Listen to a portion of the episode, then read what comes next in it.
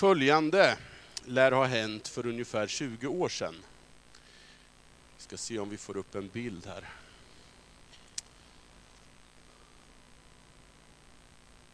Där kom den. En kompis syrras kompis var med om följande. Hon var och åkte skidor tillsammans med sitt gäng på någon av alla orter i Sverige där man gör sånt. Eh, och det var väldigt mycket folk den här dagen som de var på den här anläggningen. Och eh, trängseln var stor vid liften och det här gänget var udda till antalet. Och det var ankarliftar. Och hon blev ju den udda i det här gänget. Och fick då hamna med en person som hon inte visste vem det var. Så de börjar, en, en, en man i medelåldern ska det ha varit. Och eh, de börjar prata lite grann och han frågar, vem är du och vad gör du här? Och hon är som människor är mest, hon tycker det är jätteroligt att prata om sig själv. Så hon börjar prata. Och pratar och pratar om allt och ingenting som man gör. Och plötsligt så upptäcker hon att vi är ju snart uppe. Och när de precis har då, ni vet den här proceduren när man ska häkta av sig den här ankarliften och sådär och så. Och så säger hon, ursäkta, nu har jag bara pratat om mig själv. Vem är du själv? Han lyfter på glasögonen och säger, jag är kung. Och sen så svischar han ner för backen. Hon har suttit fem till tio minuter ensam med kungen. Och hon har bara pratat om sig själv.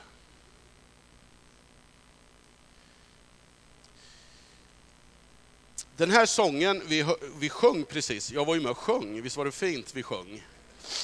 Eh, det är ju en sån här eh, en, en tonsättning av en psalm, psalm 24 i Gamla Testamentet. Och det är en psalm som är skriven som en processionssalm som man använde i Gamla Testamentets tid för att välkomna kungen in i templet. Det var, det var liksom så. Och, och, och de skulle fråga, vem är det här som kommer? Jo, det är Herren stark och mäktig och det är Herren Sebaot. Ni vet det här som vi svarade. Ja, så. Och nu så ska vi läsa om den verkliga händelsen när Gud gjorde sitt intåg i staden. Vi ska läsa från Matteus 21, 1-11, som handlar om Jesu ankomst till Sion, till Jerusalem. Visste ni att ordet advent betyder ankomst? Det är därför man läser den här texten just den här söndagen. Nu läser vi. När de närmade sig Jerusalem och kom till Betfage vid Olivberget skickade Jesus iväg två lärjungar och sa till dem, Gå bort till byn där framme så hittar ni genast ett åsnesto som står bundet med ett föl bredvid sig. Ta dem och led hit dem. Om någon säger något ska ni svara, Herren behöver dem, men han ska strax skicka tillbaka dem. Detta hände för att det som sagts genom profeten skulle uppfyllas. Säg till dotter Sion, Se, din konung kommer till dig, ödmjuk och ridande på en åsna och på ett föl, ett lastdjurs föl. Lärjungarna gick bort och gjorde så som Jesus hade sagt åt dem. De hämtade åsnan och fölet och la sina mantlar på dem, och han satt upp. Många i folkmassan bredde ut sina mantlar på vägen, andra skar kvistar från träden och strödde dem på vägen. Och folket, både de som gick före och de som följde efter, ropade Hosianna, Davids son, välsignade han som kommer i Herrens namn, Hosianna i höjden. När han drog in i Jerusalem blev det stor uppståndelse i hela staden och man frågade, vem är han? Vilken är densamme? Är Ja, vilken är? Och folket svarade, det är profeten Jesus från Nasaret i Galileen. Jesus han gör ankomst. Det är det advent handlar om. Och han gjorde en ankomst då. I den här texten som vi läser om hör vi, kan vi läsa om hur Jesus gjorde sitt intåg. Bland det judiska folket där Jesus levde och där han rörde sig, så var man väldigt van vid att leva under förtryck.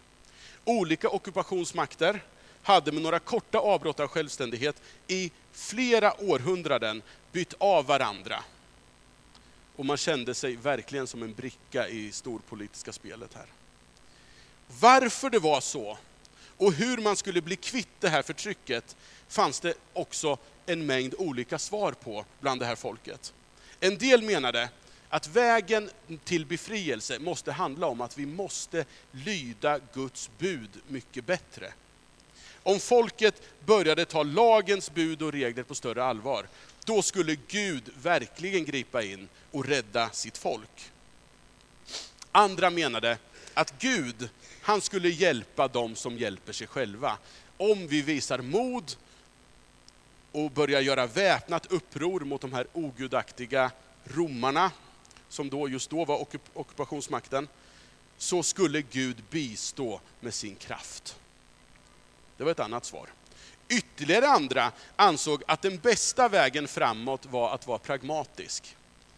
Låt oss försöka hitta någon samverkan med Rom här så att vi får i alla fall en dräglig tillvaro. Det fanns alltså olika sätt att hantera det här. Men trots de här olikheterna så närdes genom läsning av skrifterna, det som, vi, det som vi är vårt gamla testamente, det som de kallade för lagen och profeterna, så närde man ett hopp, ett gemensamt hopp om att en dag så kommer mörkret att vändas i ljus. En ny ledare, precis som Mose och David, skulle träda fram och upprätta Guds goda herravälde i Israel först och sen i hela världen. Och den här ledaren omtalades som Messias, den smorde. På grekiska kallas det för, heter det Kristus. Så när vi säger Jesus Kristus så säger vi Jesus Messias. Beskrivningen av den här kommande Messias och Kristus i de här skrifterna var inte sällan ganska bombastiska och liksom triumfatoriska så här. Vi hörde här i den här salmen, portar öppna er vida, höjer uråldriga dörrar. Låt ärans kung dra in. Eller som Jeremia, jag ska låta ett rättfärdigt skott växa ur Davids stam. Han ska vara konung och härska med vishet och skapa rätt och rättfärdighet i landet. Eller som Mika skriver, han ska träda fram som herde med Herrens kraft, i Herrens, sin Guds höga namn. Och folket ska bo i trygghet nu, då han blir ärad över hela jorden. Och Matteus, han hänvisar till ytterligare ett sånt här ställe, när han förklarar varför Jesus gör det han gör i den här texten. Från Sakarja, som vi också hörde inledningsvis. Ropa ut din glädje, dotter Sion. Jubla, dotter Jerusalem. Se, din konung kommer till dig. Rättfärdig är han, seger är honom given. I ringhet kommer han ridande på en åsna, på en ung åsnehingst. Jesus vet vad han gör när han gör det här intåget.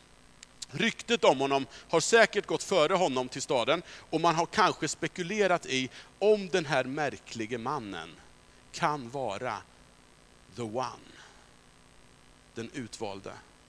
Den de väntar på. Och först nu så blir det i alla fall tydligt hur han ser på sig själv. Genom sitt inrid, inridande på den här staden, på den här åsnan, så gör han det här anspråket. Jag är Messias. Jag är den ni har väntat på i sådär en 500-600 år. Nu kommer jag här, nu kommer jag rädda världen. Det är det han säger när han gör det här intåget. Och folket först då, de verkar ju explodera av glädje. Det ser vi ju i den här texten. Man börjar sjunga och så praktiserar man psalm 118 som syftade på Messias ankomst. Herre, hjälp oss. Det som också betyder Hosianna. Välsignad den som kommer i Herrens namn. Ordna er till procession med kvistar i händerna, står det i psalm 118. Man är med på noterna, man välkomnar Jesus som Messias. Nu är det dags. Vändningen från mörker till ljus är här. Jesus han går ju ut så hårt så att han ställer ju den här befolkningen inför två alternativ. Antingen är han den han säger sig vara, eller så är han en galen hädare. Och väl framme i Jerusalem, där i staden, så börjar Jesus undervisa om riket, om den här ordningen som Gud vill upprätta i världen, på ett sätt som spränger alla förväntningar. Opinionsvinden vänder väldigt fort här. För oavsett vilken av de olika riktningarna man hade anslutit sig till bland befolkningen, hur Gud skulle gripa in, så var man i relation till Jesus rörande överens. Även om vi inte är överens, så är det i alla fall inte som han säger. Så den befolkning som så frimodigt och glatt först sluter sig till det första alternativet och utropat Hosianna, står en vecka senare och ropar korsfäst honom. Lika unisont, oavsett politisk partifärg. Han utmanar alla föreställningar och formulerade visioner om Guds rike. Och så provocerar han slutligen fram det här oundvikliga valet som befolkningen har att, har att ställas inför. Antingen så är det ju bara att kapitulera för att Jesus är Messias och att Guds rike kommer med honom oavsett hur det ser ut. Eller så måste man avfärda honom som en lögnare, bedragare eller tokstolle. Det är de enda alternativen som befolkningen har att förhålla sig till. Och invånarna i Jerusalem, de drar utifrån det Jesus gör och säger slutsatsen att Jesus inte är Messias. Och därför så tar man också med rätta avstånd från honom. Frågan är hur du och jag, vi, ställer oss inför de här anspråken som Jesus gör. För det val som Jerusalems befolkning stod inför då, är samma val som Jesus med sina anspråk ställer oss alla inför. Det finns inget alternativ som heter, ja men Jesus han var, han var schysst, han var, en bra, han var en bra lärare och hade bra saker att säga. Men han var ju inte någon frälsare. Är man en klok människa som har bra saker att säga, om man hävdar det Jesus hävdar och det inte skulle vara så? Författaren och tänkaren C.S. Lewis han formulerar sig så här. En människa som talade som Jesus stundom gjorde skulle inte vara någon stor morallärare. Han skulle antingen vara sinnessjuk i nivå med mannen som påstår sig vara ett förlorat ägg, eller en djävul från helvetet. Ni måste träffa ert val. Antingen var och är denne man Guds son, eller en galning, eller något ännu värre. Nu förefaller det mig uppenbart att han varken var sinnessjuk eller ondskefull. Och följaktligen måste jag, hur underligt eller skrämmande eller otroligt den kan tyckas, ansluta mig till den uppfattningen att han var och är Gud. Gud har i mänsklig gestalt landstigit på denna av fienden ockuperade planet. Så säger C.S. Lewis. Den kristna kyrkan bygger hela sin existens på att Jesus var den han sa sig vara. Han var den som den där befolkningen där och då väntade på. Men istället för att infria de här nationalistiskt färgade förväntningarna och befria det här specifika folket från en specifik ockupationsmakt, så var uppdraget som Jesus hade mycket, mycket större. Han befriade hela mänskligheten och hela skapelsen från ockupationsmakternas synd och död. Kyrkan gör ju också gällande att Gud, allt sedan dess, sedan det där intåget, så gör han ständigt sitt intåg. Han gör ständigt sitt advent med ljus, hopp och glädje in i mörka och hopplösa situationer. Är vi öppna för Guds advent? Eller är det våra förväntningars Gud som vi välkomnar? Hur är vi människor och hur är vi församling på ett sådant sätt att Guds ankomst och Guds närvaro blir synlig? Att vi ser det och att vi också gör den synlig för människor runt omkring oss. Kanske behöver vi i första hand inte ställa oss frågan, vad ska vi göra? Utan snarare fundera på frågan, vad håller Gud på med i vår omvärld? Och delta i det. Och då tror jag det finns en risk att vi utmanas att gå bort från våra invanda tankemönster och färdiga bilder av vad också kyrkan är och vad kyrkan gör och borde göra. Jesus spränger de hemsnickrade och tillrättalagda ramar vi håller oss med, hur välformulerade och genomtänkta de än kan te sig. Och adventstexterna varnar oss för att vi, precis som Jerusalems befolkning där och då, stänger in, begränsar Gud i våra bilder. Vi sjunger ju om att bereda väg, att göra portarna höga, dörrarna vida. Låt oss ta det som en utmaning till att låta Gud vara Gud på sina villkor, inte på mina villkor. För om vi på förhand redan tror oss veta vad Gud vill göra, vad han gör eller inte, vem han gör det genom eller inte, var Gud är verksam eller inte, då är det inte längre Gud som är Gud. Utan våran bild av Gud som är vår Gud. Låt oss vara öppna för att Gud faktiskt kan verka på sätt som för oss ter sig oväntade, överraskande och till och med provocerande. Tänk om vi, precis som den här tjejen i liften, har den här riktiga kungen mitt framför näsan. Mitt i våra liv. Utan att vi märker det, därför att vår, vår blick är alldeles för färdigprogrammerad. Låt oss vara öppna för att Gud, inte vi, sätter agendan. Det är liksom det som ingår i att vara Gud, om det nu är Gud så som han uppenbaras i Jesus som vi är intresserade av att tillbe. Och inte våra egna förväntningar och verksamhetsplaner. Det finns ett advent nu som Gud gör och vill göra. Och så har vi ett bärande tema till i det kristna hoppet om Guds rike. Och det är ju det totala inbrytandet och Jesu återkomst en gång. Vilket är en oerhörd tröst i de här tiderna då framtiden målas upp av allt fler i allt mer pessimistiska ordalag. Den kristna berättelsen har ett lyckligt slut. Vi samlas här med ett lyckligt slut. Jesus kommer en dag att bli världens kung.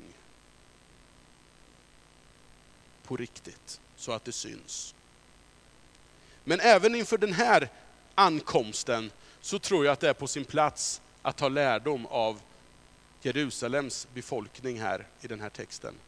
Många har genom historien spekulerat, ofta på grund av en genuin längtan och ibland av ren nyfikenhet, kring tider, stunder, på vilket sätt det kommer att ske när då Jesus ska komma tillbaka. Inte, präglas, inte sällan så präglas de här förväntningarna av det här triumfatoriska, mäktiga. De här tongångarna som omgav Messias förväntningarna där och då. Och det skrivs ju böcker, hyllmeter i det här ämnet med mer eller mindre underbyggda spekulationer om så här kommer det gå till. Och hur spännande och hur kittlande det här än kan tyckas vara, så behöver vi, jag tror vi bör visa av Jerusalems befolkningens erfarenhet, också inför den ankomsten vara försiktiga med att allt för mycket cementera våra förväntningar. Självklart är detta någonting vi ska längta efter. Det är ju en helt, en helt underbar framtidsvision vi har. Men om vi låser in oss i allt för bristfälliga starka förväntningar så kan det också leda oss vilse. Utmaningen till dig och mig, det är att låta Gud vara Gud och inte låsa oss fast i de här cementerade bilderna av vad, när, var och hur Gud är verksam och gör sin ankomst. Gud har uppenbarat sig i en oerhört överraskande gestalt, Jesus från Nasaret som underifrån genom självutgivande kärlek krossat ondskans makt. Med andens svärd han strider och segrar när han lider. Det var inte riktigt vad de hade tänkt sig, men så var det. Vi sjunger ju ganska, annars ganska samma svulstiga ord om Jesus i advent som då präglade de falska förväntningar på en kung i ståt och prakt, ungefär som en världslig kung. Låt oss utbe oss om höga mentala portar och vida själsliga dörrar, så vi inte fastnar i vrångbilder av Gud, som vi inte kan ta oss ur, utan kan se var och när Gud är verksam. Också när det är bortom våra favoritföreställningar om Gud. Bilder måste vi ha. Det, det behöver vi. vi. Vi håller oss med olika bilder. Men låt oss alltid se till att inte stänga våra bilder, utan hålla en dörr på glänt. Så vi inte missar Guds advent. Vare sig vi sitter i en skidlift, äter i vårt personalrum, byter en blöja, handlar mat eller just nu befinner oss i en kyrka i Norrköping. Gud är här. Gud vill göra sitt intåg i ditt och mitt liv. Vågar vi öppna våra dörrar på vid gavel för detta? Är du öppen för att välkomna den kungen på hans egna villkor? Det, det är frågan som adventsbudskapet ställer till dig. Låt oss be. Tack Gud för att du är en Gud som gör ankomst. Du är en Gud som vill komma oss till mötes. Hjälp oss att se när du gör det. Ge oss rätt ögon att se med. Hjälp oss att ödmjukt ha våra portar på vid gavel för dig på dina egna villkor. I Jesu namn. Amen.